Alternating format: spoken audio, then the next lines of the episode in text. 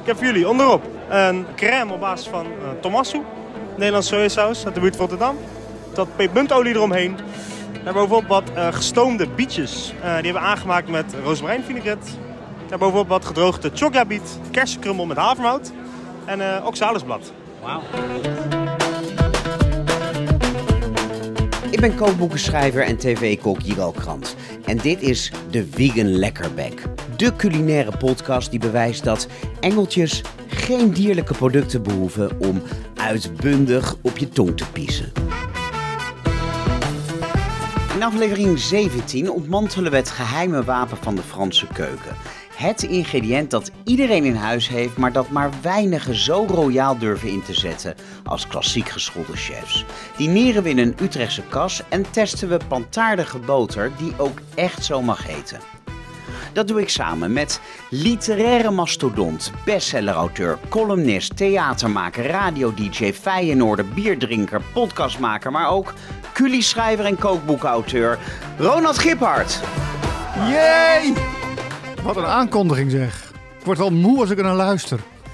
Ja, ja, je doet het allemaal en nog veel meer. Ja. En je bent echt, ik zeg dat vaker in de introductie, maar jij bent met recht een duizendpoot. Dankjewel. En het culinaire, de gastronomie, maakt een belangrijk deel uit van wat je doet. Ja, zeker. En dat heb ik eigenlijk van huis uit meegekregen al. Ik stam echt uit een links milieu, uh, trouwe socialisten. Mijn moeder uh, was ook Kamerlid voor de Partij van de Arbeid. En toch was zij klassiek Frans geschoold als het om uh, gastronomie ging. Dus ze had haar kookdiploma's had ze in de keuken hangen. En uh, zij maakte haar eigen goes, trok haar eigen bouillons. Dus dat heb ik echt van huis uit meegekregen. Want progressief zijn ja. gaat niet samen met een Bourgondisch leven? Nou, niet voor het gevoel. Hè? de progressieve mensen uit die periode, heb ik het over de jaren zeventig, die hielden van grutjes. Onze oppas bijvoorbeeld, die, die kookte altijd de meest weerzinwekkende producten voor ons. Ja, ik, ik begrijp wat je zegt, want ik doe misschien niet zoveel verschillende dingen als jij, maar ik doe ook heel veel verschillende dingen. Zo Ja. ben ik ook nieuwsverslaggever voor de radio. Zeker. Ik mag binnenkort weer verslag doen van de verkiezingen. Nog geen Leuk. idee welke partij ik mag verslaan, maar dan is het altijd feest als ik naar de VVD mag. Want Ja. inderdaad, daar vloeit het bier rijkelijk en vliegen de bitterballen je om de oren. Ja, En kom er maar eens om bij eh, de progressieve partijen. Ja, dat is waar. Nou ja, in, in vroeger tijden waren het wel goede innemers. De, de, de linkse eh, elite destijds. Dus de, de Jan Pronks, eh, die hielden wel van een glaasje. eh, met, met dito problemen ook. Maar ook dat, het is niet meer gezellig. Hè? Maar goed, dan is de vraag. Is dat dan een definitie van gezelligheid? Van die overdreven... eh, nou goed, ik, laat, laat ik me daar niet in verliezen. Want, eh, Laten we in het midden. Ja. Laten we in het midden. Zoals, eh, ik weet eigenlijk niet of je wel eens luistert, maar zoals je wellicht weet, is mijn eerste vraag altijd: wanneer heb je voor het laatst vegan gegeten? Dat was, eh, ik denk, vrijdag. Ja, En het is vandaag maandag, dus Ja. dat is eh, ja drie dagen geleden. drie dagen geleden. Mijn vrouw is, is eh, net als jij, eh, maakt zij kookboeken. En wij zijn wel de afgelopen jaren tot inzicht gekomen dat de plant-based, dat dat de toekomst is. Dus wij zijn echt, en dat zeggen heel veel mensen, we zijn aan het afbouwen. Wij zijn echt aan het afbouwen. Alleen, ehm, Want je leeft in het heden, niet in de Ja. toekomst. zeker. Maar je haalt die toekomst naar voren toe. Ja, dat is een beetje het idee. Waarbij dan wel aangetekend dat mijn jongste zoon werkt bij een biologische slager. En dat doet hij op maandag en dinsdag. Ik ben er ook eh, eens gaan kijken hoe dat dan, wa- wat er dan biologisch aan is. En ik heb ook wel laten overtuigen dat dat een bijzondere manier van omgaan met vlees is. Eh, op maandag en dinsdag neemt mijn zoon dingen mee van de slagerij. Dus op maandag en dinsdag eten wij niet plant-based. Dus we gaan dus de hele tijd over plant-based eten hebben, Ja. maar vanavond kou jij op eh, biefstuk of worst. Nee, vanavond. eh, ik, mag gelukkig in Amsterdam zijn. Ik heb een optreden hier vanavond in de kleine komedie. Dus ik eh, denk dat ik vanavond ve- vegetarisch eet. Het zal niet veganistisch zijn. Oké, want je bent ook theatermaker Ja. en natuurlijk romancier. Zeker.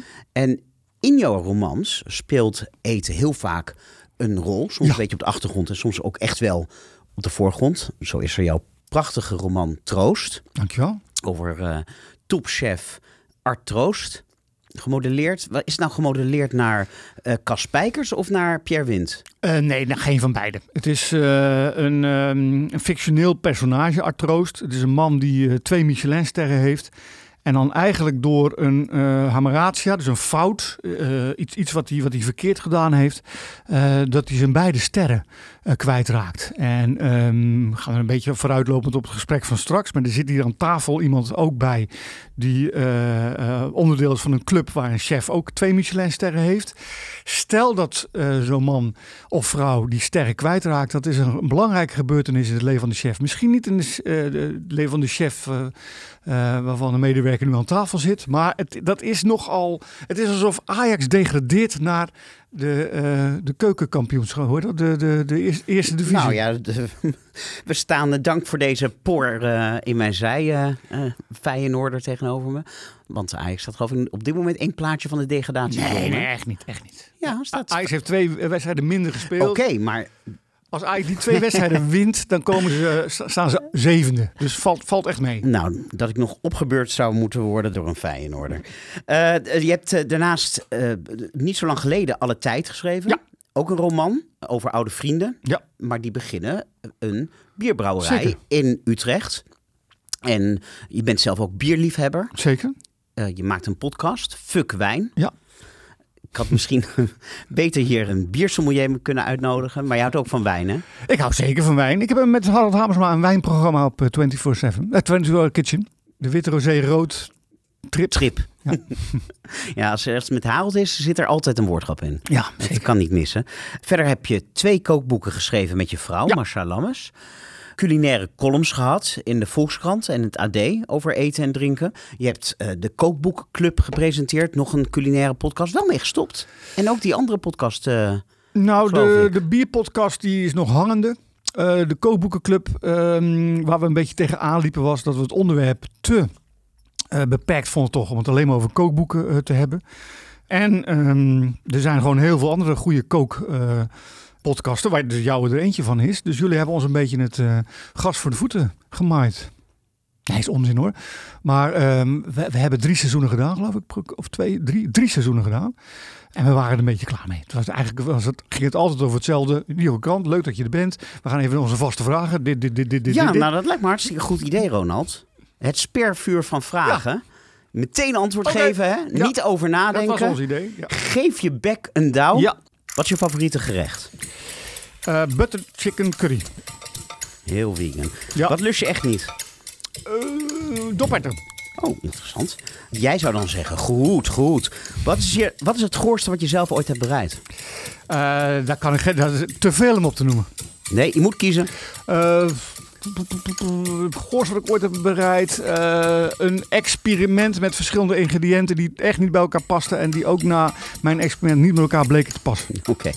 Bitter, zout, zoet, zeep, zuur of bloed? Oeh, ehm, ah, zoet. Toch maar. Wijn, bier, liqueur, sterke drank of cocktail? Bier, Koffie of thee? koffie, Filterkoffie of espresso? filterkoffie. Welke frisdrank drink je het vaakst? Eh, cola of eh, Zero Max, hoe heet dat? Light. Restaurant of snackbar? Restaurant. Fine dining of comfort food? Comfort food. Johnny Boer of Rick de Jonge? Rick de Jonge, ja, sorry. Ontbijt, lunch, diner of snack? L- eh, eh, diner. Wat is je grootste keukengeheim? Eh, beetje zout. Favoriete keukentool?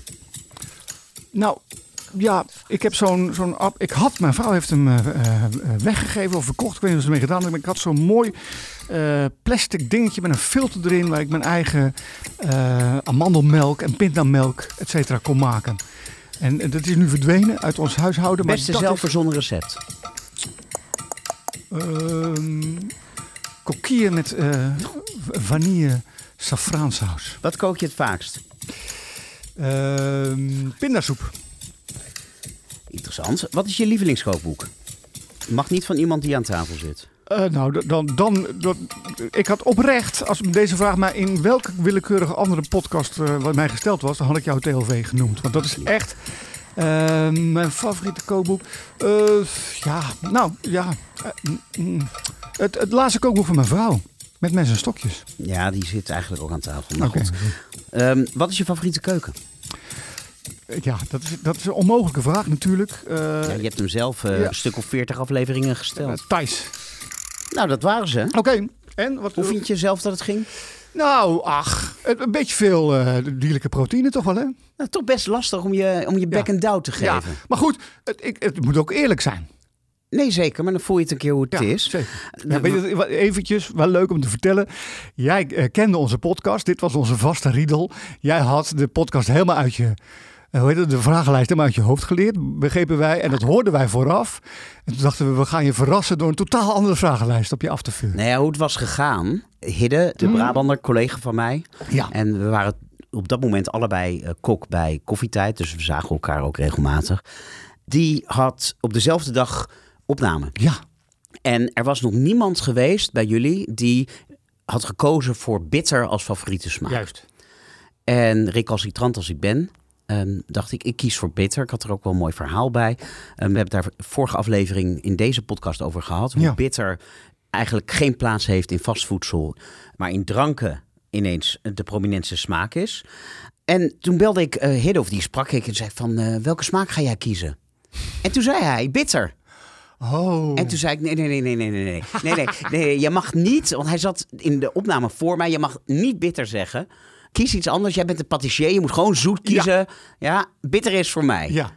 En dat heeft hij verraden toen hij bij jullie was. En, En toen dachten de hele jullie... vragenlijst omgegooid. Ja, speciaal voor jou. Ja, maar goed, Ja. even terugkomen, want zo hoort dat dan op een aantal. Ja.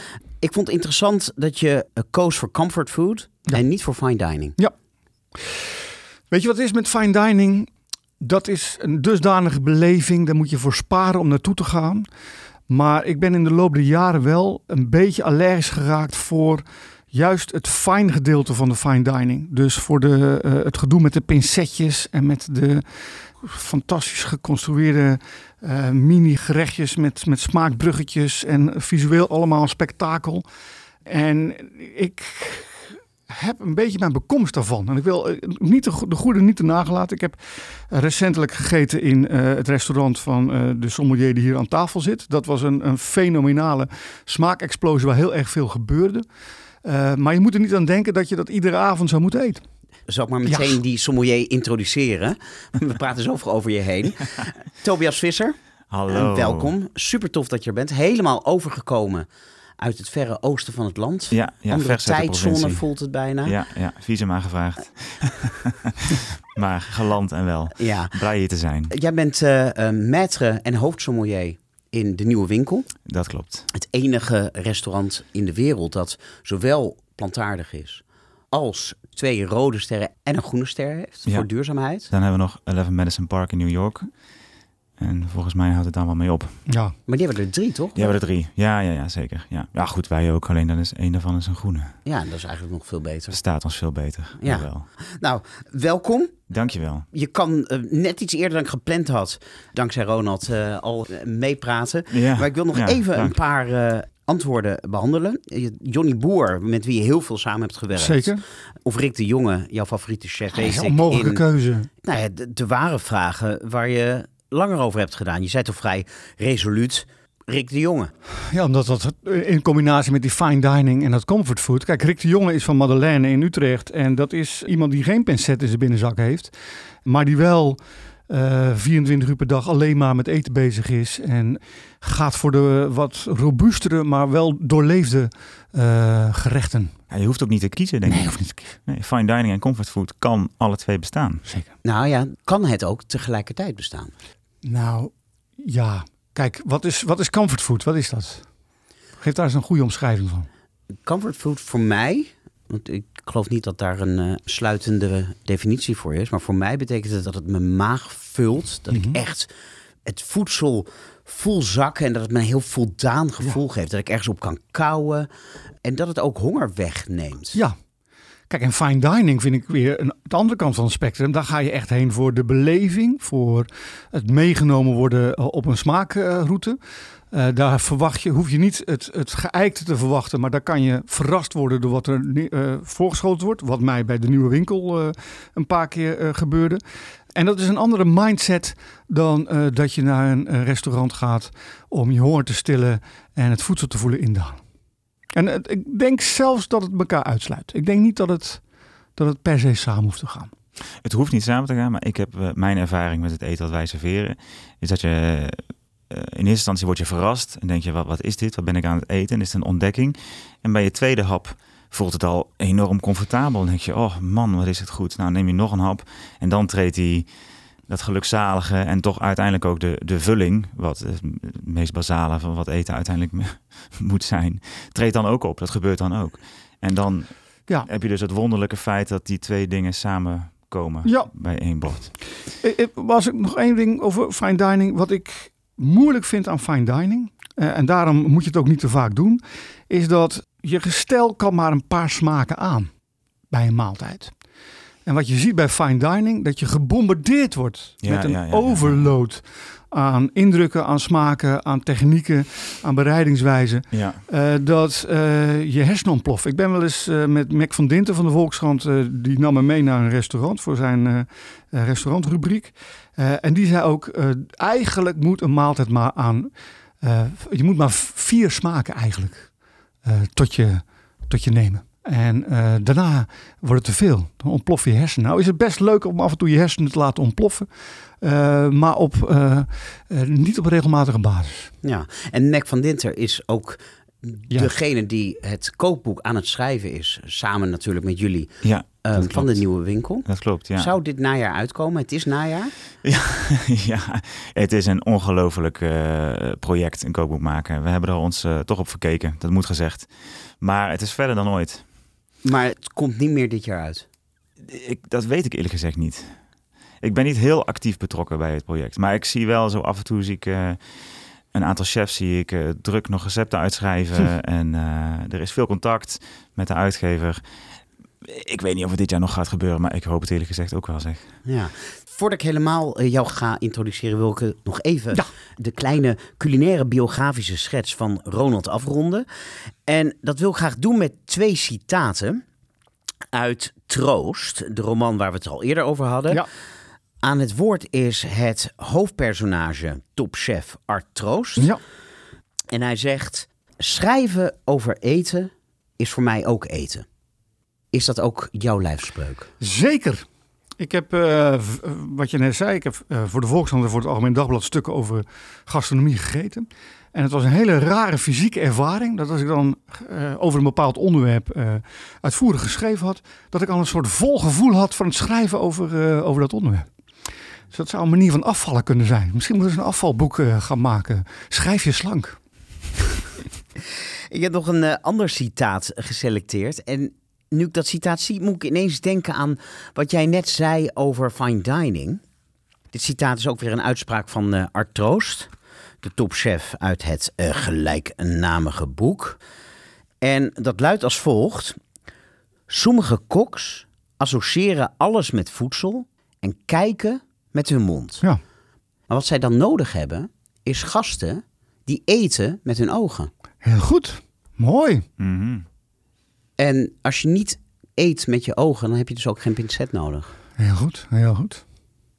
Dus, dus je zegt eigenlijk dat eh, een, een pincet is een teken, eh, als een geste naar de, de gast toe. Dus dat het er maar zo mooi mogelijk uitziet. Ik ben niet altijd onder de indruk als, als een bord er heel goed en mooi uitziet hoor. Nee, we, hebben natuurlijk allemaal, als we in Italië zijn en we zitten op dat heuveltje Ja. met, eh, met een prachtig uitzicht en we krijgen een bord risotto. Met een kwak risotto erop, huppla. Ja, precies. Ja, Dan maar is dat, dat- takje basilicum al Dat genoeg. de schoonheid van het eten zelf ons overmand. ja. Eh, Dat er helemaal geen bloemetjes op hoeven te liggen, maar dat een beetje geraspte Parmezaanse kaas eigenlijk de kers op de taart is. Absoluut. Ik heb gegeten bij een, eh, in, in, in Scandinavië bij een, eh, een, een toprestaurant. Eh, ik zal niet ver- vertellen welke, maar bij, van van de Nordic cuisine. Waarom mogen wij niet weten welke? Nou, vind ik een beetje omdat het om, niet aardig is wat ik ga zeggen. Oh, oh zo. Dus, en daar kwam, dan kregen we een gerechtje op een, op een, een mooi bordje. Zo'n zo mooi door een pottenbakster in elkaar gekleid dingetje. Waar, waar, al afvraagt van wat, wat is hier nou, wat, wat, wat vertelt mij nou dit bordje? En dan ehm, met heel erg veel kleine ingrediëntjes die allemaal waren, waren neergelegd. Een ober die heel lang vertelt wat er allemaal in zit. En ik was met eh, Jan Barsman, eh, de, de voedselfotograaf. En bij de eerste hap zeiden we, hmm, heel niet lekker eigenlijk hè. En dat was de, eigenlijk de hele maaltijd. En dat was zo vervelend. Dat je voortdurend het idee hebt dat je een, ehm, dat je een, een, een test wordt afgenomen. Een psychologische test. Doorsta ik wat hier eh, gebeurt. Geen aangename eetervaring. Ik dacht toen je begon over een restaurant in Kopenhagen. Oh, dat zal Noma wel zijn geweest. Nee, dat is een ander. Ja, want ik was met Hiske Versprillen Ja, eten in de nieuwe winkel. Ja. En Hiske was toen ook bij de bespreking net voor het eh, uitserveren. Ja, Leuk. En toen zei Emiel van we gaan niet uitgebreid vertellen aan de gasten wat er in het eten zit. We gaan alleen zeggen eh, worst, Bijvoorbeeld. zonder eh, alle ingrediënten en bereidingswijzen. En dat had hij juist afgekeken van Noma. Zoals jij zegt van ja, eh, het duurde ellenlang. Dacht ik van hé, dat kan nooit Noma zijn geweest. Nee, dat was niet normaal. Nou goed, kan wel. Dat was Fransen. Ah, ja. En ik, ik, het was, het was, wat er niet aangenaam was, was dat, het- dat het zo. eh, je werd meegezogen in een manier van met eten omgaan die op dat moment een gast, wij als gasten niet nodig hadden. Ik heb hetzelfde met sommeliers. Laten we die discussie maar eens beginnen. Laten Dat, we dat maar eens gaan doen. ik vind dat de eh, belangrijkste kenmerk van een sommelier is dat hij zijn gasten moet lezen. Wat, wat voor informatie willen ze hebben? Hoe vaak hebben die meegemaakt dat je in een restaurant bent en dat er een sommelier komt met een, met een glas wijn of met een, met een fles wijn in, in zijn hand. eh, het liefst een PowerPoint-presentatie zou geven over eh, de wijn. Veel te lang doorgaat over oude wijnstokken en de familie waar het vandaan komt, het gebied waar het vandaan komt, de schuine hellingen en weet ik veel wat. Gaat allemaal je ene oor in het andere. Het enige wat je wil is die wijn drinken. En eh, ik was een keer bij een Utrechts restaurant. Het bestaat helaas niet meer. Chez Jacqueline. Dat was een geweldig restaurant met geweldige wijnen. En allemaal, zeg maar, een beetje, beetje aards. En, en daar kwam op een gegeven moment eh, de eigenaresse met een fles wijn. En ik dacht, oh, dit is echt een geweldige wijn. Dus ik vroeg aan haar, opgevoed als ik was door al die sommeliers met hun eh, vele gepraat. Van wat, wat, wat, wat is het voor wijn? Dat is, een- dat is een rode wijn. Ja, dat is geweldig. Maar dat is de informatie die je wilt hebben. Ja. En dan kun je gewoon weglopen. Ja, wij zijn daar in het restaurant ook erg druk mee. Emiel die eet nogal eens ehm, buiten de deur. Mhm. En die had een eh, tijd geleden een ervaring dat hem een, eh, een wijn werd ingeschonken. En de sommelier die, terwijl hij al wegliep, zei hij, google die shit. en daar vallen we nog wel eens op terug. Eh, we zijn heel maar was dat een positieve of een negatieve ervaring? Voor hem was het uiterst positief. En ook totaal, het, was ook, het had verwarring in zich. Het, omdat eh, het is niet in de lijn der verwachting. En dat was geweldig. We zijn er heel druk mee met vooral, eh, we noemen dat mand. Ja, Om mand, zo mand zeker. mogelijk voor de dag te komen. Hè, dus we gaan het niet hebben over eh eh, ellenlange verhandelingen eh, over de Zuiderhelling en de kalkbodem. Dat is totaal niet relevant. Nee. Maar het is wel veranderd. Want ik heb ook bij jullie mogen eten in de tijd dat jullie nog geen ster hadden. Ja, En toen kan ik me herinneren dat er, nou, ellenlang, maar dat er wel lang werd over fermenteren en over bereidingen en over Ja. het voedselbos werd eh, gesproken. ja, ja, ja, daar zijn we echt van afgestapt. Ja. We hebben ook een aantal verboden woorden. Eh, Wat is Vegan. vegan, eh, fermentatie. Ehm, we zijn nu bijvoorbeeld heel erg druk mee dat we niet introduceren wat het is. Het volgende gerecht zeggen we niet meer. Of dit is het hoofdgerecht. Of we gaan nu beginnen. We beginnen gewoon meteen met vertellen wat het is. En dan lopen we weer weg. Mooi. Ja. Goed. En zo doen we het ook met de dranken. We hebben dus af en toe een mandmeeting. En dan gaan we, komt het hele service team komt bij elkaar. Alle sommeliers hebben vooraf al eh, wat uitgewerkt. Ja, want jullie hebben vier sommeliers.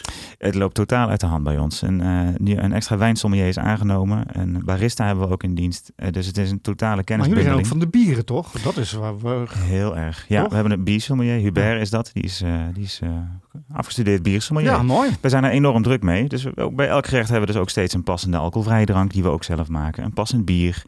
ehm, passend wijn, dus nog, nog zeker wel. Maar ook passende theeën komen nou om de hoek kijken. Het is ongekend wat er gebeurt. Ehm, en dat houden we dan uiteindelijk aan tafel zo mand mogelijk.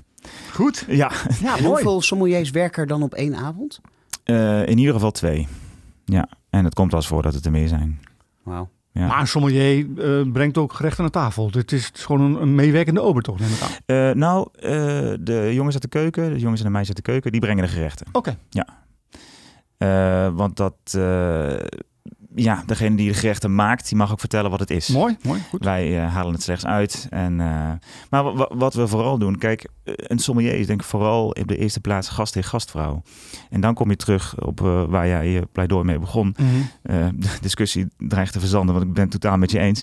Oh, ja. Eh, ehm, eh, je- je bent mensen aan het lezen. Ja. Je bent aan het kijken wat de lichaamshouding is. En hoe ze reageren op jou en op de omgeving en op het eten. En daarop kun je dan anticiperen. Hè? Dus, en dan als sommelier heb je extra kennis van de dranken die je serveert. En daarmee kun je de beleving versterken. Ja. Dat is wat we doen. En daar is één, daar is observatie en af en toe één mandachtige zin voor nodig om de boel verder te helpen. Nou, kan je daar nou in extremis een voorbeeld van geven? Je hebt mensen die sparen een jaar om bij jullie te kunnen eten. Je hebt heel veel verschillende types. Je zal ook mensen hebben die met zo'n air binnenkomen van ik zal ze even een poepie laten ruiken. Ja, Wat is ja. nou echt een leuke anekdote van een gast die je las, die misschien de boel wilde ontregelen, maar waar je het zo hebt aangepakt dat het toch helemaal goed ging? Nou ja, we hebben ehm, een gevleugelde anekdote. Is een gast die, ehm, die vond dat die, de gerechten wat klein waren. En het zijn natuurlijk ook elegante porties, zo gezegd. En die, op een gegeven moment eh, werd het bord ingezet en eh, vertelde hij ons... eh wedden dat ik dit gerecht binnen één minuut op heb. en hup, een lepel en weg was het. En toen zijn we gewoon, da- daar zijn we gewoon op in gaan spelen. Leuk. Dus we hebben dan een lepel neergelegd. We hebben de gerechten, de tempo wat versneld. Eh, en zo kun je, kan het een running gag worden. En daar zijn we erg gevoelig voor. Dus als er één opmerking, als mensen binnenkomen en ze hebben een opmerking ehm, of eh, er gebeurt wat aan tafel, dan daar spelen we op in. Mooi. En zo zijn we eigenlijk niet per se bezig met het eten en het drinken, maar vooral dat we fijn samen zijn, dat we een mooie tijd hebben met elkaar. Ja, want ik kan me voorstellen dat het publiek wel is veranderd. Als je kijkt, de mensen die bij jullie kwamen eten voordat jullie wereldberoemd waren en stagiaires uit Japan en New York hadden Ja. ehm, en drie sterren, Ja. dat jullie een heel ander publiek hadden dan anno 2023. We zijn er beducht voor. We dachten dat het zou gaan gebeuren. Het gebeurt niet. Nou, heb je ook wel een chef die niet te koop loopt met zijn sterren?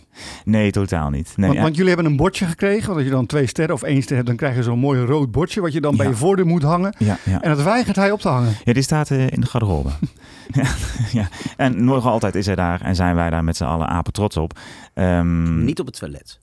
Dat nog wilde niet. Ja. Dat wilde Ja, want toch? zoiets Ja. heb ik ooit gehoord. Ja, ja, ja, en dan ook nog het personeelstoilet. Ja, nee, het is. nee, dat er niet. Nee, uiteindelijk zijn we natuurlijk apen trots daarop. Het is natuurlijk fantastisch dat het allemaal eh, gebeurt, dat het ons overkomt. Maar tegelijkertijd is het ook zo dat we in onze totale bedrijfsvoering heel erg bezig zijn met eh, die Michelinsterren niet hebben eigenlijk. Ja, als we het dan toch over Emiel hebben, jullie chef, Ja. wil ik er eh, nog wel een passage uit Troost bijpakken. Een iets langere passage. Misschien wil de auteur zelf het eh, voor ons voorlezen. Zeker. Van hier tot hier. Eens even kijken hoor.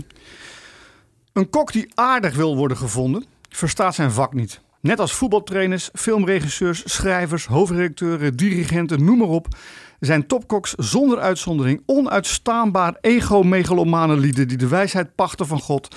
Over alles en iedereen een vernietigende mening hebben, elkaar het licht in de ogen niet gunnen en bereid zijn te alle tijden een harde concurrentiestrijd te voeren. Nou, wordt hier jouw chef goed getypeerd? Alles behalve. De, En toch ben ik dat niet met je eens. Totaal niet. Hij is natuurlijk wel gefocust. De eyes on the prize. Hij wil dat eh, eh, het bedrijf een succes is. Maar er zijn verschillende manieren om dan hoe te acteren in het dagelijks leven. Absoluut. Nee, maar ik denk wel dat Emiel, ik heb hem mogen interviewen eh, Ja. een tijdje terug, voor een groot stuk over talent. Ehm, Voor een nieuw boek dat binnenkort verschijnt. Ja, het beste uit jezelf. Het verschijnt eh, volgende week. Emiel is ook de gast bij de presentatie. Heel erg leuk dat wij eh, alle hapjes die daar worden geserveerd na afloop, dat ze, die zijn eh, met het verboden woord vegan. Dus die zijn plant-based. Ja, Specia Eigenlijk speciaal voor, voor Emiel. Net voor de uitzending zei hij al eventjes van... eh, het zou eigenlijk normaal moeten zijn dat dat gebeurt. Maar goed, dat, dat is het nog niet. Maar Nee. toch, toch nee, nee. doen we dat. Maar goed, ik heb hem geïnterviewd en ik vond het wel... Hij, hij, natuurlijk, dit is een ironische eh, uitspraak. eh, wat, wat Troost die doet, want hij heeft het over zichzelf. Hè? Dus, want hij, hij is ook zo'n chef. Maar Emiel heeft wel, moet ik maar even onbetamelijk zeggen... scheid aan conventies. Ik wil net zeggen, volgens mij is Ja. hij geen chef die tekeer gaat tegen zijn personeel. Nee, Nee. er worden niet meer pannen gegooid Maar hij heeft wel iets over zich van, weet je, het, het kan me niet zoveel schelen wat jij daarvan vindt. Ja. Ja, ja, precies. En dat is wat ik eh, ook zojuist bedoelde met die Michelinsterren. Het kan, het is natuurlijk een eer, maar het kan tegelijkertijd ook niet zoveel schelen. Want wat het belangrijkste is, is lekker eten maken en daarmee laten zien dat je best wel alleen maar planten kan gebruiken om tot dat te komen. En dan moet je een bepaalde scheid aan hebben, omdat dat niet de conventie is. Hè? Hij zei ook, heel grappig, eh, en hij bedoelde dat in een context hoor, dus, dus uitgefilterd is het een rare uitspraak. Hij zei, ik kook niet voor gasten. nee, ja. Ja, restaurant is de vorm Ja. die eraan gegeven is om uiteindelijk eh, iets uit te dragen. Juist. Om met een missie bezig te zijn. Dat klopt, ja. ja en dat, toen ik dat de eerste keer tegen mij zei, toen dacht ik, hmm, nou ja, wat, wat doe ik hier dan? Weet je wel. Mhm. Maar uiteindelijk snap ik het ook wel, wel weer. Ehm, Ja, ik snap het heel goed, want hij, hij heeft een hoger doel dan alleen maar in een restaurant te koken voor mensen. Hij zei, Ja. ik ben geen kok, wat ook een hele rare Ja, uitspraak is voor, Ja. eh, ja, Een kok. voor, voor een kok. voor een kok, ja. Ja, nee, maar het, Nee, het ik is ben geen kookboekschrijver, heb ik altijd gezegd. Ja, Ja, ja. terwijl jij een van de meest succesvolle kookboeken, de Nederlandse kookboekgeschiedenis geschreven hebt. Nou, hij kan- kan, Maar Mooi. Niel kan moe- moeilijk tegen complimentjes altijd. ja. sprezzatura is dit. Ja, klopt. Heel goed. Maar goed, Emiel is inderdaad, eh, hij is eh, inderdaad, eh, hij zegt dat hij geen kok is. En eh, Het klassieke beeld van een, van een chef, zoals Art eh, daartegen ageert, dat zijn de Franse koks die inderdaad hun personeel af en toe eens een tik geven. We hebben in Nederland wel wat dat soort koks gehad. Eh, Jon Sistermans van eh Wilhelminapark eh, eh, in Utrecht. Ehm, die had twee Michelinsterren toen hij nog in Amersfoort bij de Mario werkte. Ja, dat was een, een hele moeilijke man. ja, ja, maar het gebeurt nog steeds hoor, vergis je niet. Ja. Er is een kentering vindt er plaats, maar het is nog steeds een... eh, het is natuurlijk ook een hele bijzondere omgeving. Hè? Ja. De keuken, eh, dat hoge niveau, dat continu... eh, kijk, die Michelinsterren, dat geeft een enorme verwachting. En dat verandert jou. Het kan je veranderen als, eh, als mens Ja. en als, eh, als bedrijfsleider van de troepen. Maar goed, ik hoop, eh, Emiel, als het boek uit is, hier eh, aan deze tafel te mogen spreken. Laten we het vandaag verder niet over jouw chef hebben, maar Ja. over jou jezelf. hebben. Dank je. Eh, de- wat ik me afvraag, jij bent dan sommelier in een heel bijzonder restaurant. Ja. Een plantaardig restaurant, een, Ja. een restaurant met een missie. Wat, in welke zin maakt dat jouw werk anders dan wanneer je in een ander sterrenrestaurant had Goeie gewerkt? vraag. Nou, ik kwam er al vrij snel achter. Ehm de vanuitgaande, eh, wat is een sommelier? Een sommelier is iemand die de dranken eh, voorziet bij de gerechten. Hè? En, en, en, en, dat ook eh, een bepaalde verantwoording bij, bij, kan, bij kan geven. Uitleggen waarom dat dan zo lekker is. Zo kort mogelijk in mijn geval. Maar waar ik al vrij snel achter kwam, is dat je. eh, ik werk met zo natuurlijk mogelijk gemaakte wijnen. Die tegelijkertijd zo lekker mogelijk zijn. Dat is een belangrijke toevoeging. Maar precies die twee zaken, dat eten en die bijzondere wijnen, dat is, kan totaal eh, veranderlijk en verraderlijk zijn in die zin. Dus ik heb eigenlijk alles wat ik leerde, eh, met de vinoloogopleiding en alles wat in klassieke zin over wijn te leren valt, heb ik overboord gegooid. En ik ga meer om gevoel af. En het duurzaamheidsaspect. Bijvoorbeeld, er zijn flessen wijn die zijn belachelijk zwaar. Ja, Die hebben natuurlijk een gigantische CO2-footprint door hun gewicht. ja, Er zijn natuurlijk ook wijnen die komen uit de andere kant van de wereld. ja. Maak je daar geen gebruik van?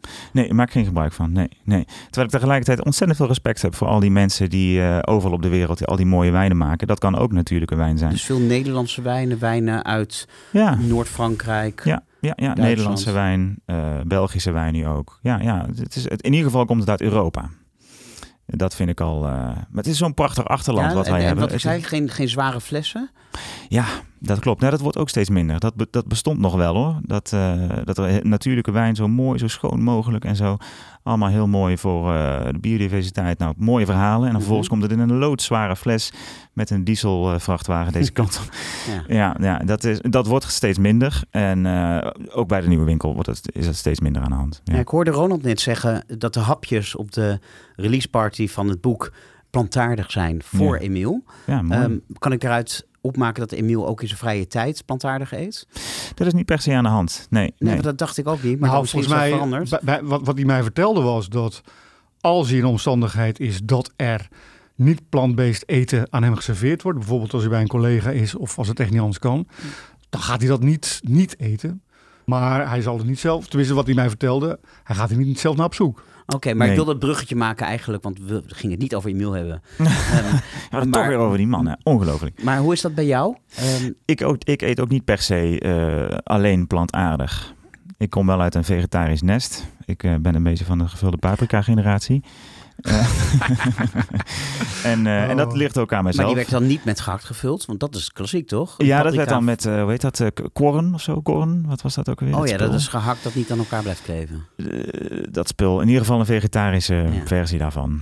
Ik Maar, heb, maar als je nu ergens bent en er is alleen maar iets waar vlees of vis in zit, dan, of, of eh, waar eh, melkproducten bij gebruikt zijn, dan, dan eet je dat wel. Vlees en vis minder ik heel erg. Daar- Ik eet dat eigenlijk amper. Mhm. Daar gaat mijn voorkeur uit. En dat komt dus door, eh, omdat ik eigenlijk dat heel mijn leven al gewend ben. Ja. Maar een, eh, een, een stuk kaas en eh, een beetje boter, ja, dat ga ik niet heel erg fanatiek uit de weg. Nou, leuk dat je over boter begint. Want wij zijn aangekomen bij het eerste echte deel van de Wingen Lekkerbek. En daarin gaan we de diepte in over één gerecht, ingrediënt of product. En eh, jij, Ronald, want mijn hoofdgast mag altijd kiezen, hoefde niet lang na te denken. Toen ik je vroeg waar we het over zouden hebben. En je zei meteen Boter. boter. Waarom boter? Nou, omdat het zo'n culinair product is. Ik heb eh, tijdenlang mijn eigen boter gemaakt. Ik hou erg van boter. Eh, er zijn een aantal nou ja, culinaire scherprechters, zoals Sylvia Witteman, die zweren bij, eh, bij boter. Thuis, mijn moeder had een godschuwelijke hekel aan margarine. eh, als, als culinair onderlegd iemand. Ehm, ja, ik, ik, boter is, is ons, ons bloed. En een van je columns noemde je jezelf een botersnaaier. Kijk, daar ben ik ook echt, ja. Dat betekent dat je gewoon een lepeltje boter Ja, zo neemt? Ja. Toen jij zei boter, toen dacht ik Ja. eerst van moeten we dat wel doen? Want ja, dit is een podcast waarin we ons niet bezighouden met dierlijke ingrediënten. En in een column die jij schreef over boter, Mhm. schrijf jij... Boter is seks met degene op wie je verliefd bent. Margarine is seks met een opblaaspop. Juist. Ja, dus gaan we vandaag voornamelijk seks hebben met een opblaaspop. Wij, wij, wij zaten, toen jij me deze vraag stelde, zaten wij in een restaurant. Waar we straks nog over gaan hebben. En ik dacht aan een boter die ik gegeten had. Recentelijk. En dat was een boter eh, die eh, ik geserveerd kreeg in een restaurant in Nijmegen. De Nieuwe Winkel. God, man. En ik heb eh, Danny Jansen, mijn co-host van de Kookboekenclub. Die eh, was een, eh, een, een, een, een groot boterverbruiker, een groot eh, melkdrinker, et cetera. Maar die raakte eh, intolerant. Lactose-intolerant. lac- Lactose-intolerant. En Maar hij houdt van croissant. Hij houdt van ja, eh, de patisserie waar boter in verwerkt is. En Oh, dat zo is- zalig. hè. Dus ik heb hem vanuit de Nieuwe Winkel geappt. Ik heb de oplossing van jouw probleem gevonden. Ja, want dat hebben we nog helemaal niet gezegd. En dat is waarom alles zo prachtig samenkomt in deze uitzending. Jullie zijn eigenlijk pas een klein jaar volledig plantaardig. Het eh, wintermenu van 2022 was voor het eerst volledig plantaardig. En dat kwam doordat jullie toen die overstap hebben gemaakt naar plantaardige boter. Juist. Dat was het sluitstuk. Ja, ja, de laatste horde die genomen mocht worden. Ja, plantaardige room, plantaardige boter. Ja. En het lukte uiteindelijk. Wa- en dat was dus moeilijker dan stoppen met vlees, met vis, met kaas. Het is zo essentieel, boter. Ja, ja. Het is eh, bij twijfel meer boter. De klassieke Franse keuken. Waar, eh, ja, ik, je- jouw moeder zal vast ook wel eh, her en der een Nou, flinke lik boter in Nou gebruikt ja, hebben. puree. Dat, dat, bij, bij, bij puree eh, zoveel mogelijk boter door... door Ja, ja, een ratio is het half-half. hè? Ja, je gebruikt. ja, en dan, eh, ja. maar dan heb je ook een pureepot. Verdorie. ja, dat is ontzettend lekker. Boter is zo gelukzalig, zo belangrijk. Zo'n hoeksteen eigenlijk in die zin. En dat was voor jullie een reden om heel lang gewone boter te blijven serveren. Ja, Aan het begin, ja. ehm, als mensen binnenkomen bij jullie zelfgemaakte brood. Ja, Maar op een gegeven moment was er een Eureka-moment in de keuken.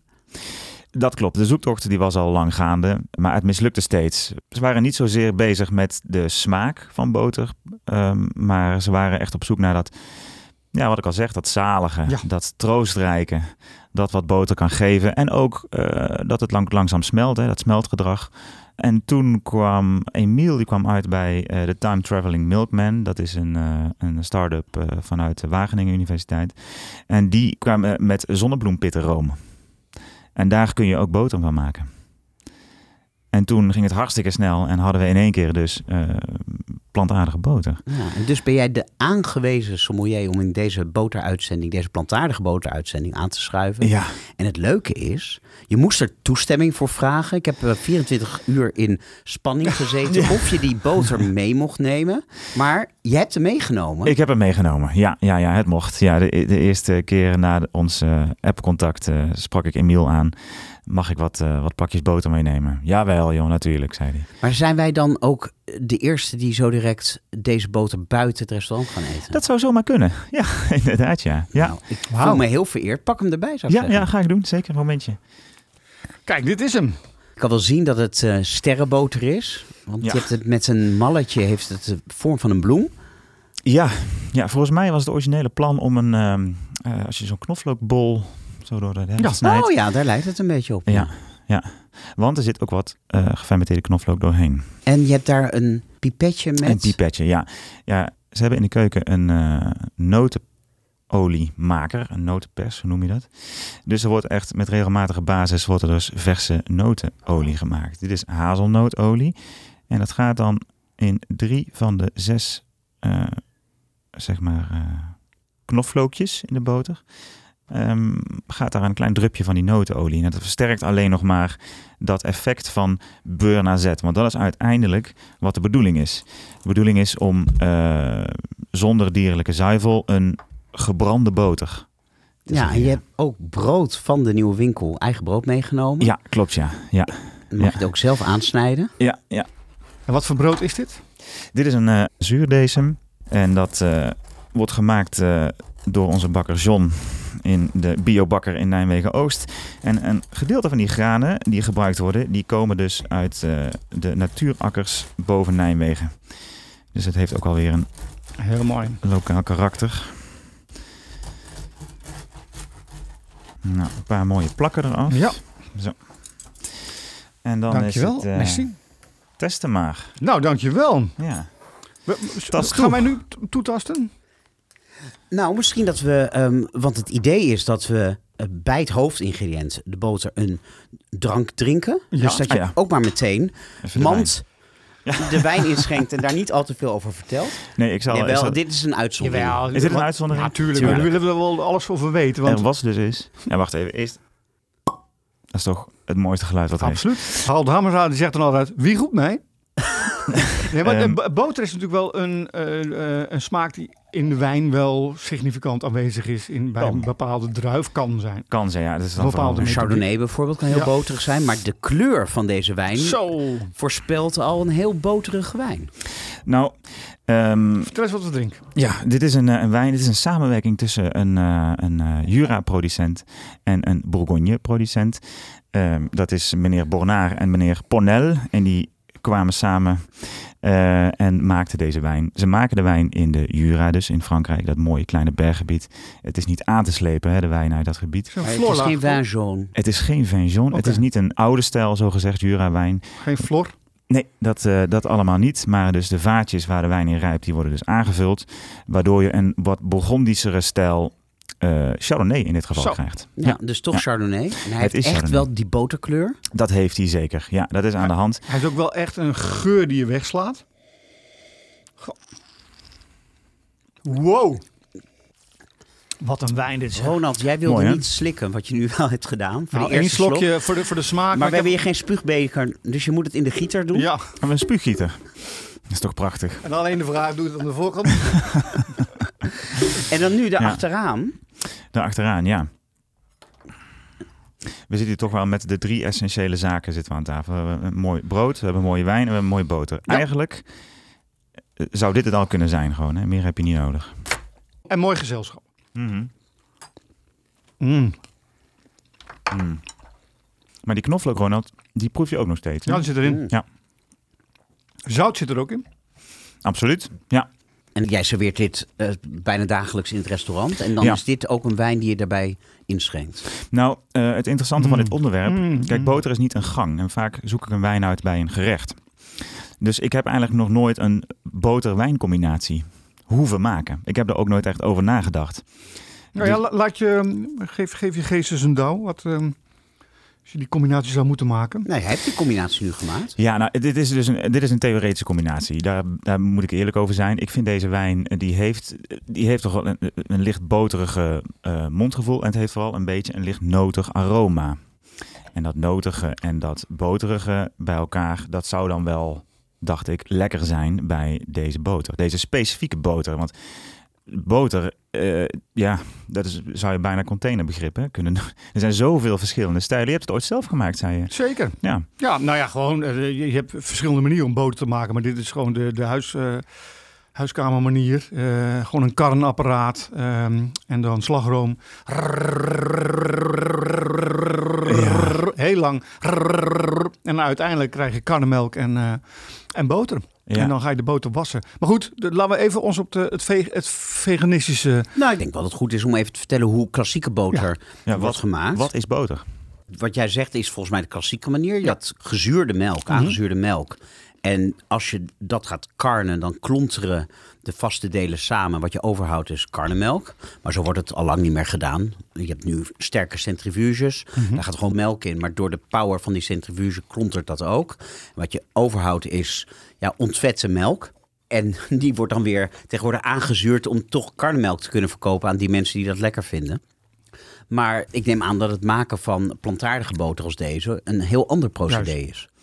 Ja, dat is een ander proces. Vooral ook vanwege het feit dat we eh, een gebrande boter van maken. Dus een gedeelte dat wordt gebrand, dat wordt verhit in een pan en een gedeelte niet. En uiteindelijk is het een samenkomst van... ehm, eh, ja, je hebt dus inderdaad vetten nodig.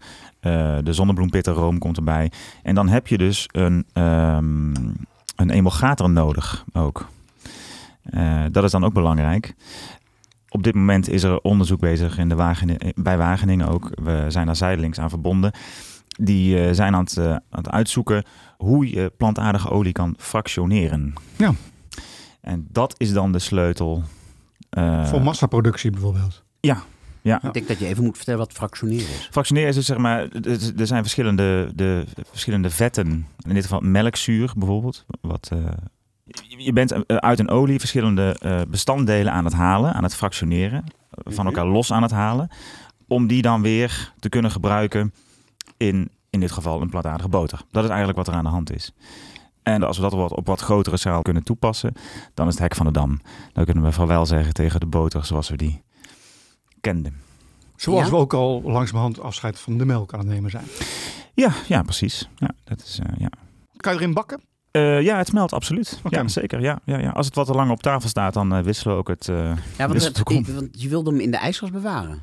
Ja, nou, je je moet dat toch timen. Want op een gegeven moment gaat het wel echt smelten. Omdat er... Wat voor oliën zitten erin? Is er kokosolie? Of, Er, zit, er wordt ook eh, kokosolie in gebruikt. Ja, ja, en dat ja. wordt op kamertemperaturen vloeibaar. Ehm, wat ik wel vind, ik vind hem echt heel lekker. En dat zeg ik niet alleen omdat ik overmand ben door trots dat wij als eerste ooit deze boter buiten het restaurant mogen proeven. Absoluut. Maar het is een kruidenboter. Het is een hele specifieke boter. En het lijkt daarom niet op die gele boter die je gewoon onder je... Je, je moet hier geen hagelslag op eh, strooien. Nee, de kunst is dus om je even te wanen in het restaurant. Eh, we halen nu deze specifieke producten even uit de context. Ehm, maar in die context is het eh, precies de boter die we, die we willen hebben. Inderdaad, er zit ook knoflook in. Ehm, er wordt hazelnootolie gebruikt. Dus het is niet, uiteindelijk niet het pure product.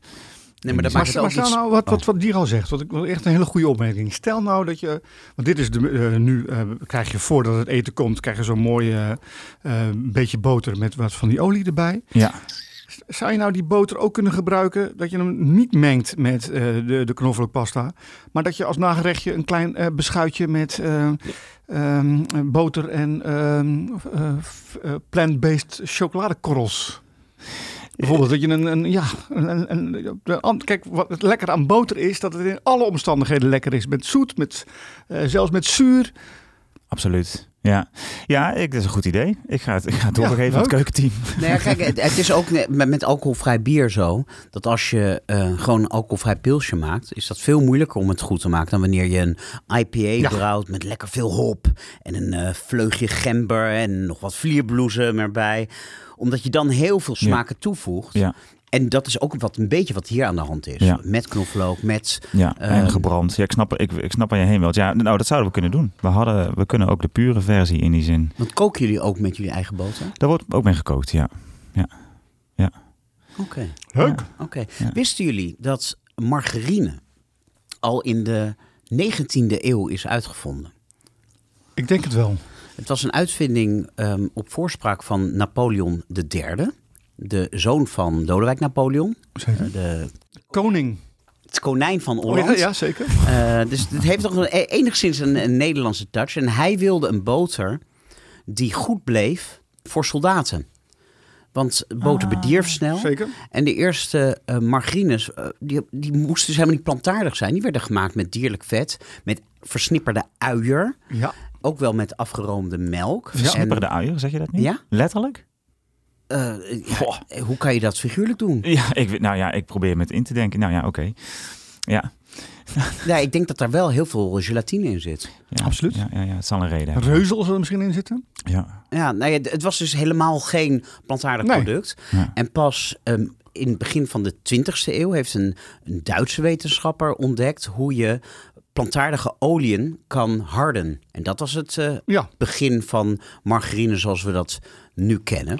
Er zijn wel door de geschiedenis heen heel veel margarines geweest die wel een soort pre- pretentie hadden om echte boter te zijn. Dat op een gegeven moment kwam er in de jaren tachtig eh, Morgen. Dat was een nieuw product van eh, Unilever. Dat was dan echt de vervanger van, eh, van boter. Terwijl het niet werd, in de markt werd gezet als margarine. Dus morgen. En de, de slogan was morgen vandaag in de winkels.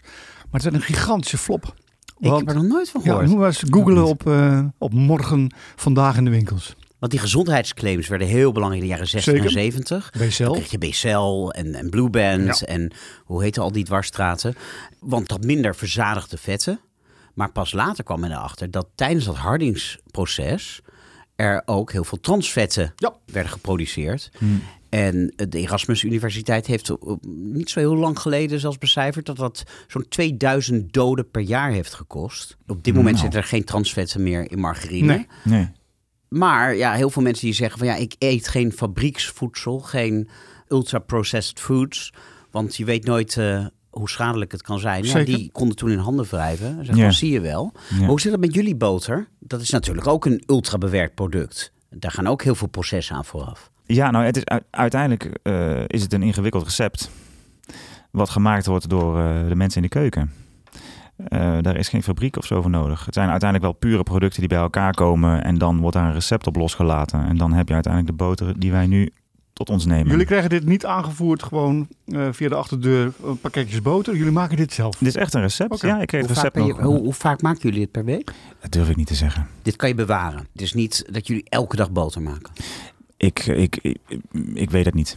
Jullie noemen het geen margarine. Dat is ook zo'n verboden woord volgens mij. Ja, precies. Ja, maar dat hoe hebben, noemen jullie het wel? Nieuwe boter? we hebben daar ook een, eh, een lange tijd over nagedacht. Ook toen eh, Hiske eh, zijdelings meekeek, toen, toen was dat het hot topic. Hoe noemen we dit nou dan? En uiteindelijk kwamen we op boter zonder zuivel. In de winkel is dat verboden. Mag je niet boter zonder zuivel noemen. Ja. Maar ja, in een restaurant mag je doen wat je wil. Ja, je wilt het toch op een mooie manier duiden.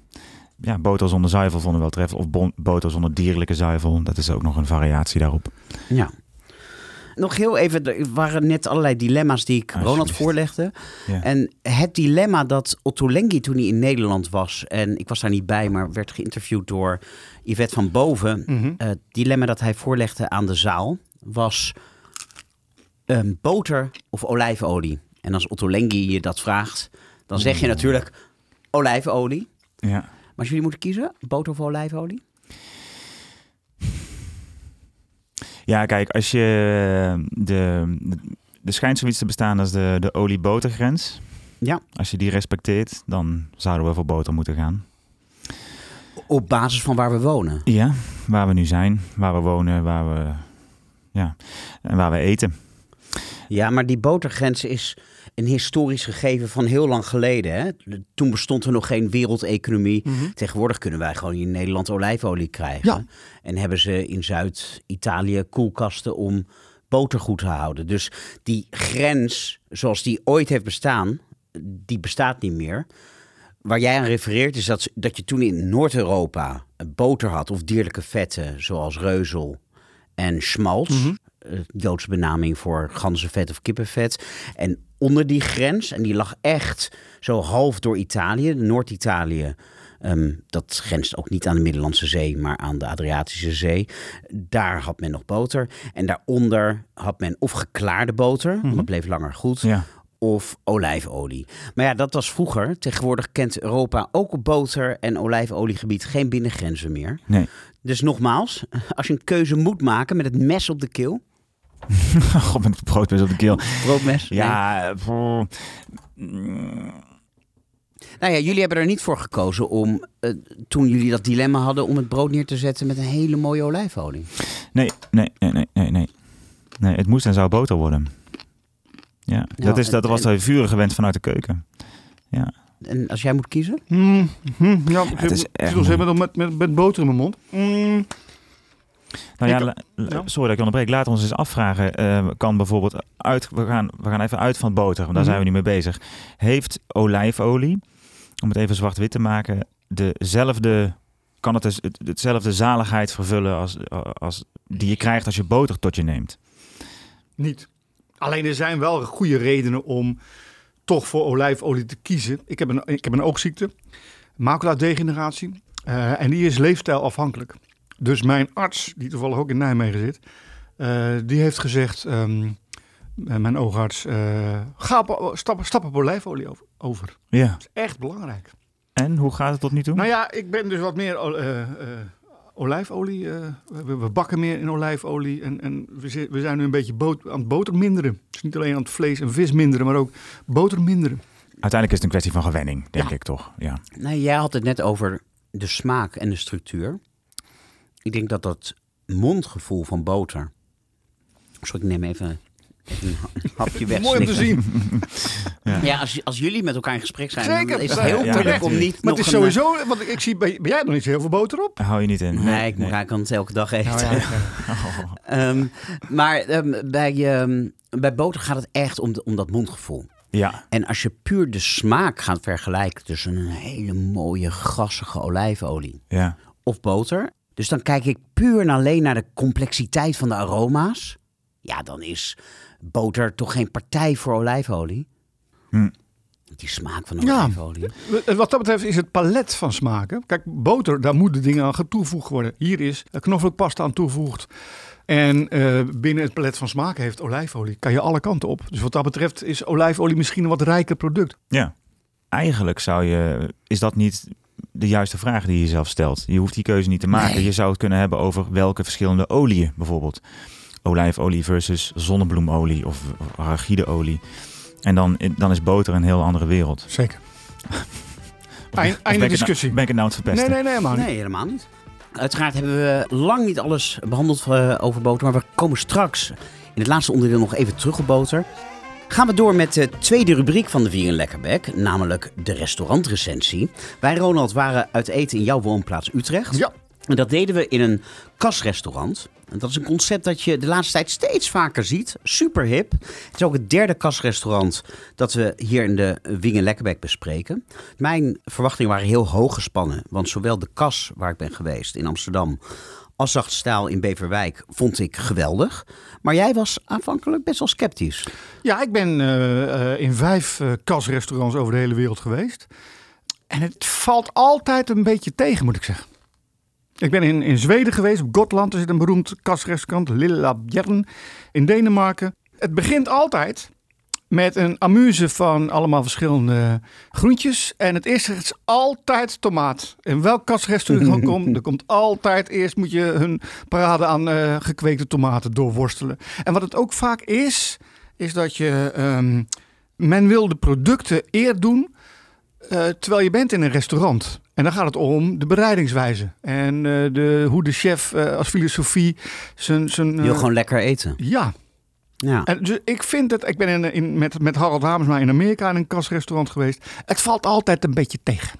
ja, nou laat je dan maar meteen eh, vragen. Viel het tegen? Het was fantastisch. Het was echt heel goed, hè? Ja. we waren bij, bij Stadsjochies. En zo heet het restaurant in Utrecht-Oost aan de Rijndijk. Onder stadion Galgenwaard. Ja. En ik kwam vanaf eh, Utrecht Centraal met de fiets. En dan rij je door de stad. En rij je op een gegeven moment onder een hele drukke weg door. Ik geloof de Waterlinieweg. Ja, zeker. En dan ineens sta je in een, in een soort groene oase. Nou, daar stond die kas. En ehm, eerst hadden we een rond. Nee, eerst hebben we buiten twee cocktails gedronken. Van eigen makelij. Die waren alvast fantastisch. Ja, zeker. Echt hele lekkere. Frisse, goede, goede dachte cocktails. En ik hou er niet zo van als het op mijn bord ligt, maar leuke bloemetjes erbij. En Bloemetjes. dat soort dingen. Ja. Ja, Was ik het heb geen, daar niks eh, mee. Maar... Tomaten Bloody Mary uit eigen Nee, kas? dat, die hadden ze denk ik wel, maar, die- maar het kwam wel uit eigen kas. Ja, wat was het nou? Ik weet iets met absint, die ze ook zelf Ja, stoken. telen. Ja, en, en stoken. Het is al best wel een tijdje geleden. Dat wordt ook de uitdaging nu. Om het goed te bespreken. Maar we hadden eerst een rondleiding Ja. door de tuin. En het is wel aardig om misschien even heel kort het verhaal te vertellen. Er was een ICT'er, Rob Geerlings heet hij. Die zat in een scheiding, moest het huis uit. Had een camper waar hij dan maar in eh, moest bivakeren. Maar die moest hij wel ergens neerzetten. Stuitte op dit stukje land. Daar woonde een oude vrouw. Daar heeft hij aangebeld, gevraagd: mag ik mijn camper op jouw land Ja. zetten? Die eh, wees hem de deur. Een week later kwam hij terug, vroeg hij het weer.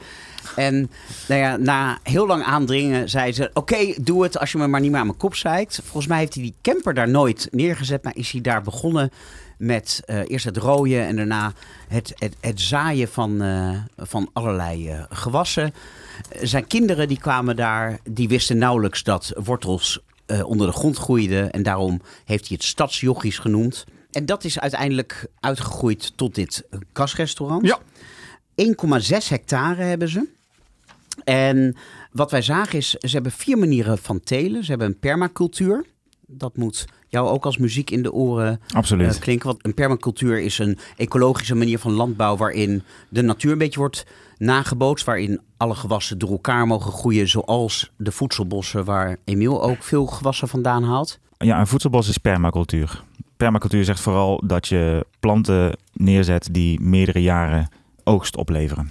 En die je hun gang laat gaan. Ja, en dan heb, dan heb je nog verschillende vormen. En een voedselboscultuur is dan eh, is ook een permacultuur. Ja, nou dat hadden ze. Ze hadden gewoon volle grond. Ze hadden een kas. En ze hadden vertical farming. Ja. En tijdens die rondleiding werd heel trots verteld dat precies op die dag het restaurant de Gouden Pollepel had gewonnen. Een prijs van het AD, de Ja. jouw krant. Nee, helemaal niet. Nou ja, de krant waar jij jarenlang culinair Zeker, columns voor ja. hebt geschreven. Ja.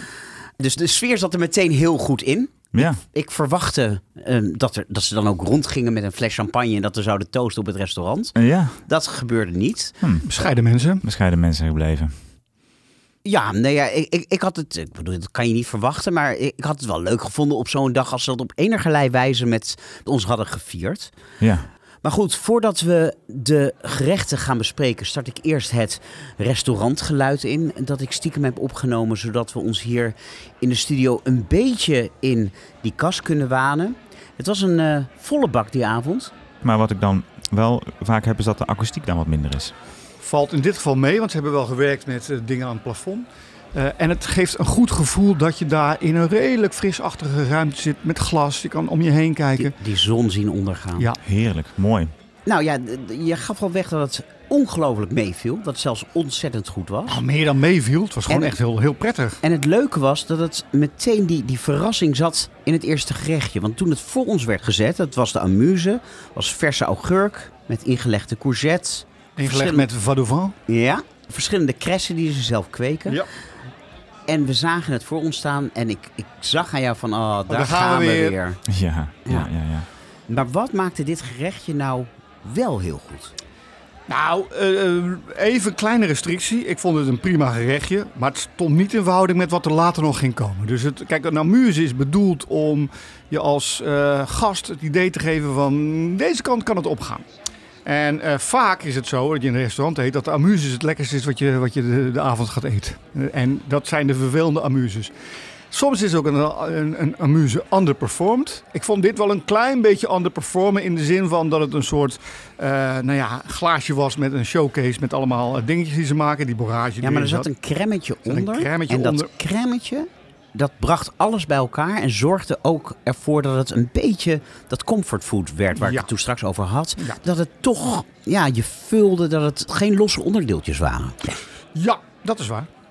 Kijk, de functie van een amuse is dat je, dat je een, een soort one-biter, dus een klein hapje, waar je e- echt zin krijgt in de rest van het eten. Ja, ja nou. eigenlijk om je smaakpapillen een beetje wakker te maken. Was dat zo nu? Ja, hè? Dat, dat, dat was in dit geval wel, maar het was nog niet dat ik werd weg. Ik dacht, ah, het volgende gerecht zal wel tomaat zijn. Dat dacht ik. Nou, en, en, dat was het. Ja. Tada. Dus al jouw bange vermoedens leken bewaarheid te worden. Ja, maar Kijk, ik, uh, uh, in dit geval, we kregen een mix van tomaten uit eigen kast. Dat was uh, nou ja, een beetje voorspelbaar. Daar zaten renne klauwenpruimen bij. pruimengel. Gebarbecuede retties. Salsa verder van lavas en venkel. Waarop weer die kosmee, kres en franje anjers. En wat nou zo mooi was in dit gerecht dat hier liet de chef even zijn, uh, zijn brieën gelden. Want uh, waar ik in andere kasrestaurants zo'n parade aan lekkere tomaatjes bij elkaar gegeten heb, was dit een gerecht. Hier had hij over nagedacht, dit had samenhang. Um, en dit blies mij wel een beetje weg. Ja, mij ook. Echt heel lekker. En ook, ik, ik, het, kunnen het zien, het ziet er mooi uit. Ja. Maar het was geen overdreven architectonisch bouwwerkje. Nee, en ik snap dat die franje anjers uh, erop moeten, uh, want we zitten in een kas en dat groeide daar ook. Uh, je ziet ook dat ze niet met een pincet zijn, zijn neergelegd. Nee, nee, nee. nee, nee. Ze zijn er overheen Van vijf meter afstand zijn ze erop gegooid. Ja. Zoals Massimo Bottura zijn, zijn gerecht ook. Maar nee, het was, dit was een heel aangenaam gerecht. Ja. Ja. Ook omdat je op geen enkele manier ehm, het, de dierlijke proteïne mist. Kijk ik jou nou aan. Ja, ik zit, ik, ik zit me af te vragen. Maar het was natuurlijk een voorgerecht. Mm -hmm. um, maar wat ik zo mooi vond, en dat vond, vind ik ook wel heel mooi in de nieuwe winkel, is dat elk gerecht, en zo hoort het ook, weet je, een antipasto moet minder vullend zijn dan een primo. En dat is, dat is, dat in de Italiaanse keuken is dan een pasta of een rijstgerecht, dat is heel vullend. Ja. En dan gaat daar weer overheen de secundo, die echt. Dus er zit een opbouw in. Ja. En dat was, ja. dat was hier ook. We kregen daarna gestoomde bietjes. Ja. Werd geserveerd met een crème op basis van sojasaus van Nederlandse makelij. Ja. ja. uit Rotterdam. Pepermuntolie, aangemaakt met rozemarijnvinaigrette. Chioggia-biet, um, kersencrumble en havermout met oxalisblad. Ik heb dat moeten opzoeken, um, maar dat wordt in Nederlands ook klaverzuring genoemd. Juist. Ah. Dus een beetje frissure, paarse um, bloemblaadjes in de vorm van vlindervleugels. Prachtig. Je ziet het op de foto. Een hele grote ook, deze. Ja, heel groot was hij. Ja. Hij lag recht overheen inderdaad als een vlinder. Um, en dit was ook een, echt een heel goed uh, gerecht. In de opzomming die je, die je net noemde, jij begon met de bietjes volkomen terecht. Want de, de ober begon met de crème op basis van uh, Tommaso. Ja. En dat is toch vreemd. Om... Ja, die deed alles, um, nou ja, ik wil zeggen chronologisch, maar op volgorde. Die begon ja. onderop. Hij zei ook onderop een crème op basis van daarboven. Ja. En die ging langzaam, werkte die naar boven toe. Een soort ja. flat gebouw van producten. Ja, ja dat, dat was de, inderdaad een de fundering beetje eerst. Ja. Sowieso, als ik dan een kritische noot mag kraken, was mag. de bediening heel charmant. Deed ontzettend zijn best, maar wist er niet heel erg van wanten. Ik vind dat niet zo heel erg. Want uh, uh, ze hadden net allemaal een glaasje champagne achter de schermen gedronken om te vieren dat ze dat... Uh... En dat vond ik dus wel erg. Achter de schermen. Samen. Ik wil er ook een. Ja.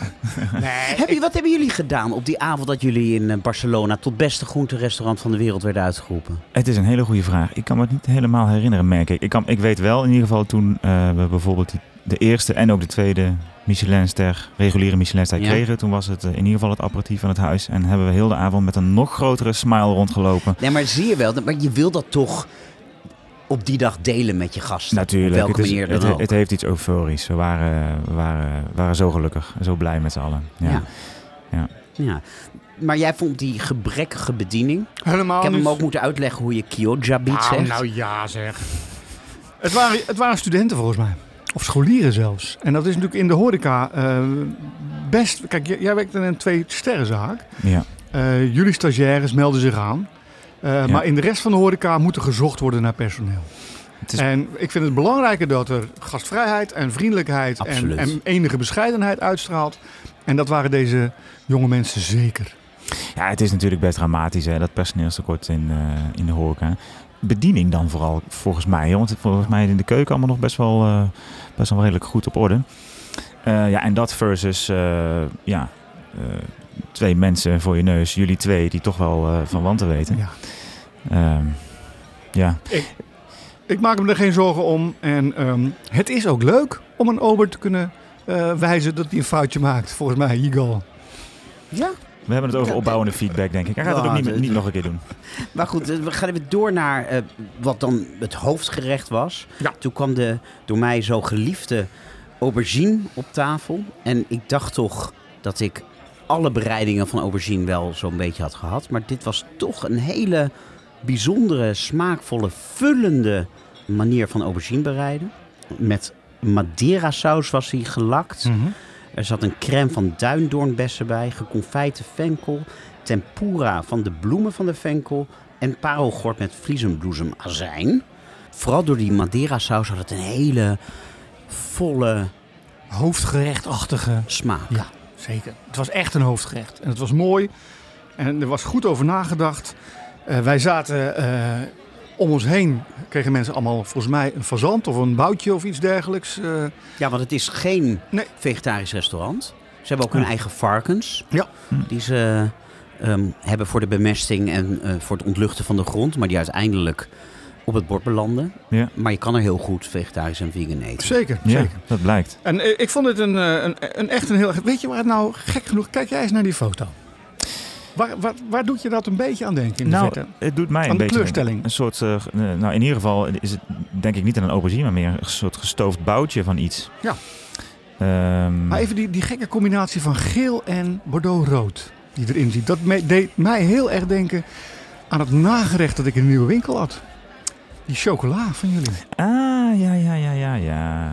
Het ik beroemde toetje dat jullie echt al een paar jaar serveren. Ja, Chocola gemaakt van kastanje. ja, het is het geen chocolade nagerecht. Ja. Daar deed me qua kleurstelling dit een beetje aan denken. Ja, ja, ja. ja touché. En het is wel grappig, want ik veeg hem nu even schoon. De broodplank die ik heb meegenomen van huis, waar we het brood op hebben gesneden, heb ik ooit gekregen van iemand. Daar staat een afbeelding op van een aubergine en daarboven staat... The only meat I'll eat. Het, het heeft natuurlijk iets, iets vleesachtigs, die, die aubergine.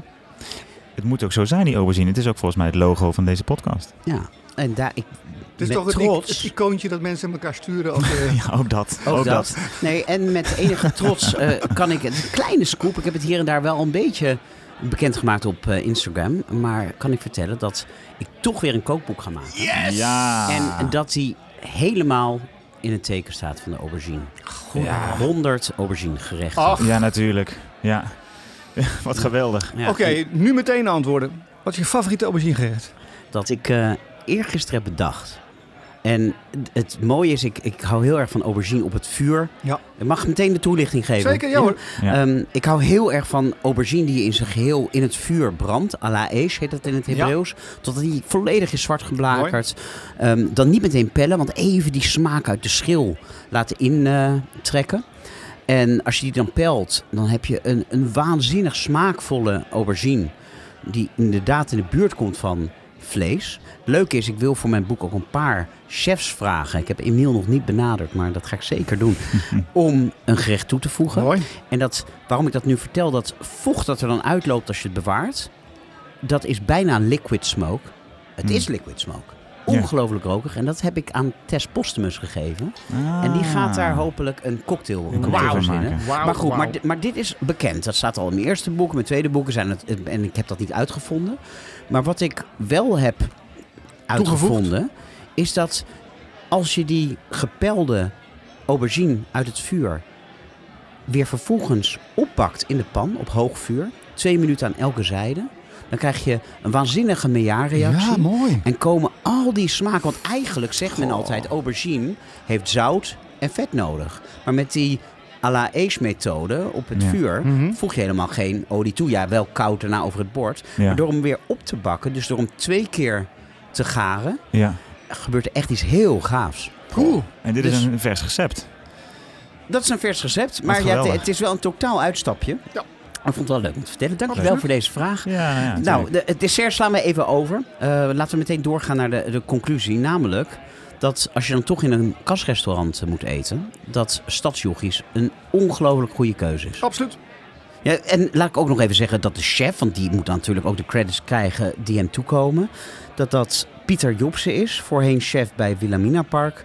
En die kookt hier dus de sterren van de hemel. Zo is het. En heel duur is het ook niet. Drie gangen 42 euro, vier gangen 52 euro, vijf gangen 62 euro. En je kan er lunchen. Dat vind ik ook even belangrijk om te noemen. Want de lunchcultuur is enorm aan het opkomen. Een plek om te lunchen. Heerlijk. Een aanrader dus.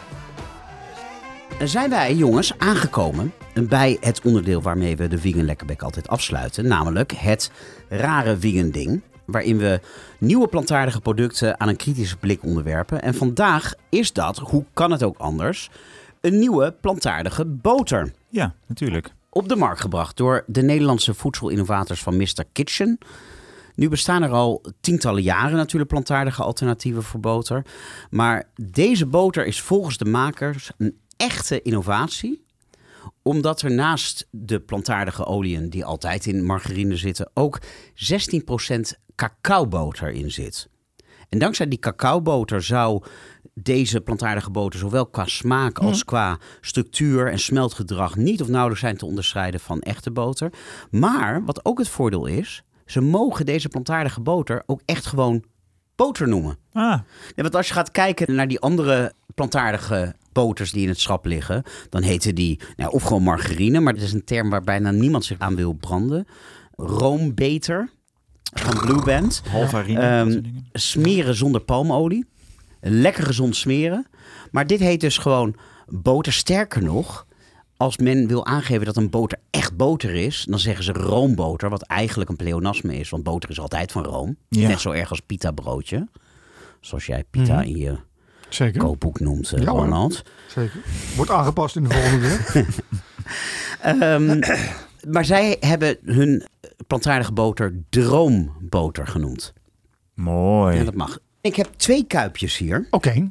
Want vorige aflevering hebben we de plantaardige eh, Philadelphia roomkaas geprobeerd. En toen bleek dat als die een beetje warm wordt of op kamertemperatuur komt, dat hij helemaal wegsmelt en ja, het eigenlijk niks meer eh, waard is. Ja. Dus ik heb er één, dat is deze, in de ijskast bewaard. Ja. En ik heb hier, en je ziet ook wel het verschil. Ja, Ja, joh. hier is wel iets aan de hand, ja. Nou, nou, dit is boter. Ja, Ik, op Nou, het eerste gezicht, zo ziet boter eruit die je Nou. buiten de ijskast bewaart. ja. ja. Nou, Ja. die gaan we eh, met jullie veronderstelde toestemming proeven met het brood van De nieuwe winkel. de nieuwe winkel. Zal ik het snijden voor je? Ja, heel graag. Ja. Kom maar, ik zit er net wat lekkerder voor. Doen we deze twee alvast in het rooster. Ja. Geef even wat informatie. In normale roomboter zit, weet je dat, hoeveel procent vet? Ik heb daar geen idee van. 82, Ja. altijd. Dat is eh, standaard. Wettelijk ook, hè? Ja, minstens 80 procent volgens mij. En daarvan is 66 procent verzadigd. Ja. Dat is echt veel. In de droomboter van Mr. Kitchen is het vetgehalte 75 procent. En Mhm. 31 procent daarvan, dus de helft van normale boter, is verzadigd. Dus het is in principe beter voor je gezondheid. Je wordt er minder dik van. Ja. Of dat, eh, wat dat doet met de smaak gaan we nu eh, merken. Qua Gaan we nog eten of gaan we er alleen maar naar kijken, man? Ik zit Nee, ja, maar ik geef je nog wat informatie. Deze komt uit de ijskoelkast. Oh ja, ja. Ja, jij mag als eerste smeren. Terwijl je smeert, vertel ik er nog bij dat die 13,29 per kilo kost. Oké. Er zit gewoon wat minder in het kuipje, waardoor je het niet echt merkt in de winkel. Maar hij is toch wel wat duurder, want boter kost, je hebt verschillen, maar ongeveer 8,60 euro. Ik ga beginnen met 9 euro. de, zeg maar, de kamertemperatuur. Ik ook. Juist. Oeh, die is inderdaad heel dun. Nou, de smeerbaarheid is van alle twee gewoon helemaal prima. Helemaal goed. Nou, ik vind dit dus echt Hmm. ontzettend goed. Ja. En ik heb Daan, een van de drie eh, jongens van Mr. Kitchen, hier in de uitzending gehad. En ik mag hem heel graag, maar ik zou echt eerlijk zeggen als het niet zo is. Maar dit komt echt in de buurt van boter. Dit komt echt in de buurt van boter. Ik vind het, ehm, qua smaak zit het op 90%. Het mag nog wel ietsje boterig in de smaak zijn, vind ik. Maar qua substantie is het boter. En er valt er helemaal niks op aan te dingen. Totaal, ja. Ja, de smaak, ehm smaakgehalte kan, zou iets omhoog kunnen. Dat je echt een botersmaak, Juist. in your face Een boter. beetje zout erop. Moet ik even wat zout pakken? Ja, Ja, dat, is, wel, Voor de- dat is wel een idee, ja. smeren jullie alvast die, Ja. die, eh, die andere pak ik even zout. Ja. Het heeft dus ook datzelfde smeltgedrag. Ja. De droomboter uit de koelkast, die smelt ook prima. Die, die is nu al eh, Ja. nog verder gesmolten. Bij het smeren merk je wel een soort andere, ander gevoel dan wanneer je boter smeert. Ja. Ja, Ik iets vind het eh, eh, fenomenaal. Dat is echt serieus. Ik had eigenlijk eh, niet gedacht dat het zo... Als je mij dit gewoon had, had geserveerd als boter... Van hier, ik heb bij, een natuurwinkel eventjes wat boter eh, gehaald... en ook gewoon het op, een- op een bordje leggen alsof het echt boter is. Had ik het niet gezien. Had je mij kunnen, kunnen betrappen. Ja, zeker als je hier nog hagelslag op strooit Ja. of iets anders op eet. Ja. Ik moet ook zeggen, als ik dit vergelijk met de boter die jij hebt meegenomen, Tobias... dan vind ik de boter die jij hebt meegenomen lekkerder. Ja, Maar dit lijkt meer op, zeg maar, een kuipje boter. het pure product. Ja, nee, absoluut. Ja, Maar daarom ben ik wel benieuwd naar jullie ehm, grondstofboter. Dus de boter waarin jullie koken... Ik word er helemaal geëmotioneerd van. Want, ik kan me het voorstellen. want in, in hoeverre die zich verhoudt. Ik vind dit wel heel erg... eh, hier is echt goed over nagedacht. Totaal, ja. Ehm, en eh, geen twijfel dat dat eh, met onze boter, zeg maar het pure, de pure product, ook dat er ook flink Hebben jullie ooit gedacht aan cacaoboter? Ehm, ja, nou ja, ik zal eens even snel opzoeken. Maar het zou ook zomaar kunnen dat er wel iets van cacaoboter al in zit. Ik heb namelijk ergens een recept. Ik smeer, besmeer even ten slotte Ja, een het. van de geroosterde boterhammetjes. De ultieme test. Ja. Met dan ook nog de kamertemperatuur boter. En niet weinig boter ook. Potverdorie zeg. Bij twijfel meer boter. Eh, ja, er zit wat cacaoboter in, zie ik. Ja, dus het zit er dus ook al wel in. Oké. Ja. Deze is voor jou. Dank dus je. dit smelt Ja, visueel in ieder geval heel eh, Ja. authentiek. absoluut. Ja, dat echte botergevoel. Nou, dit lijkt me de doodklap voor, eh, Nou, dit is voor echt, echte boter. Ik vind hem nu nog lekkerder. Ja. Het is nog Ik lekker. trek nu helemaal in het brood. Het is echt goed. Experiment geslaagd. Kijk, dit ook. eh, Nu de helft is ingetrokken en dan ligt er nog zo'n toefje bovenop. Precies wat je bij boter hebt. Ja. Ja. Ik zou hier wel poffertjes mee willen maken. Dat, want dat is die. Oh, daar heb ik, ik zat daar op weg hier naartoe, naar deze podcast, ook over na te denken: van waar accelereert boter nou Ja. echt? Dit is een klontje boter op je, op je vers gebakken poffertjes. Ja. Dat is hem gewoon. Of op, bijvoorbeeld op je, op je aardappeltjes of zo, weet je. gekookt. Maar die poffertjes en boter, dat is. to nou, eh, ik zou zeggen, eh, Daan en de heren. Jullie krijgen van mij een, een applausje. Dit is echt goed gedaan. Ja. Ze krijgen in heel veel supermarkten, nog niet overal. Massaal inslaan, Ja. dan ligt het op een gegeven moment overal. Jongens, daarmee zit de zeventiende aflevering van de Wiegen Lekkerbek er alweer op. Nog even de oproep om allemaal een kijkje te nemen op de Instagram-pagina van de Vegan Lekkerbek. Simpelweg at de Vegan Lekkerbek geheten. Daar vind je achtergrondinfo over wat we vandaag besproken hebben. Schroom ook vooral niet om daar vragen achter te laten over culinaire kwesties. Bijvoorbeeld over aardappelen, want dat is het hoofdonderwerp in de komende aflevering. Leuk. Als Eke Marien mijn hoofdgast is. Vergeet de podcast niet te belonen met 5 sterren op Spotify, iTunes, Podimo waar je dan ook naar ons luistert.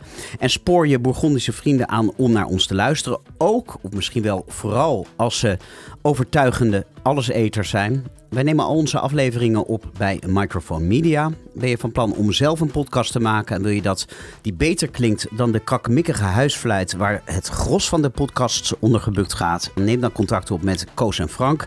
Die helpen je op weg en besparen je veel kopzorgen en, niet onbelangrijk, de aanschaf van dure opnameapparatuur. Ronald en Tobias, dank voor het komen. Legaim. Proost.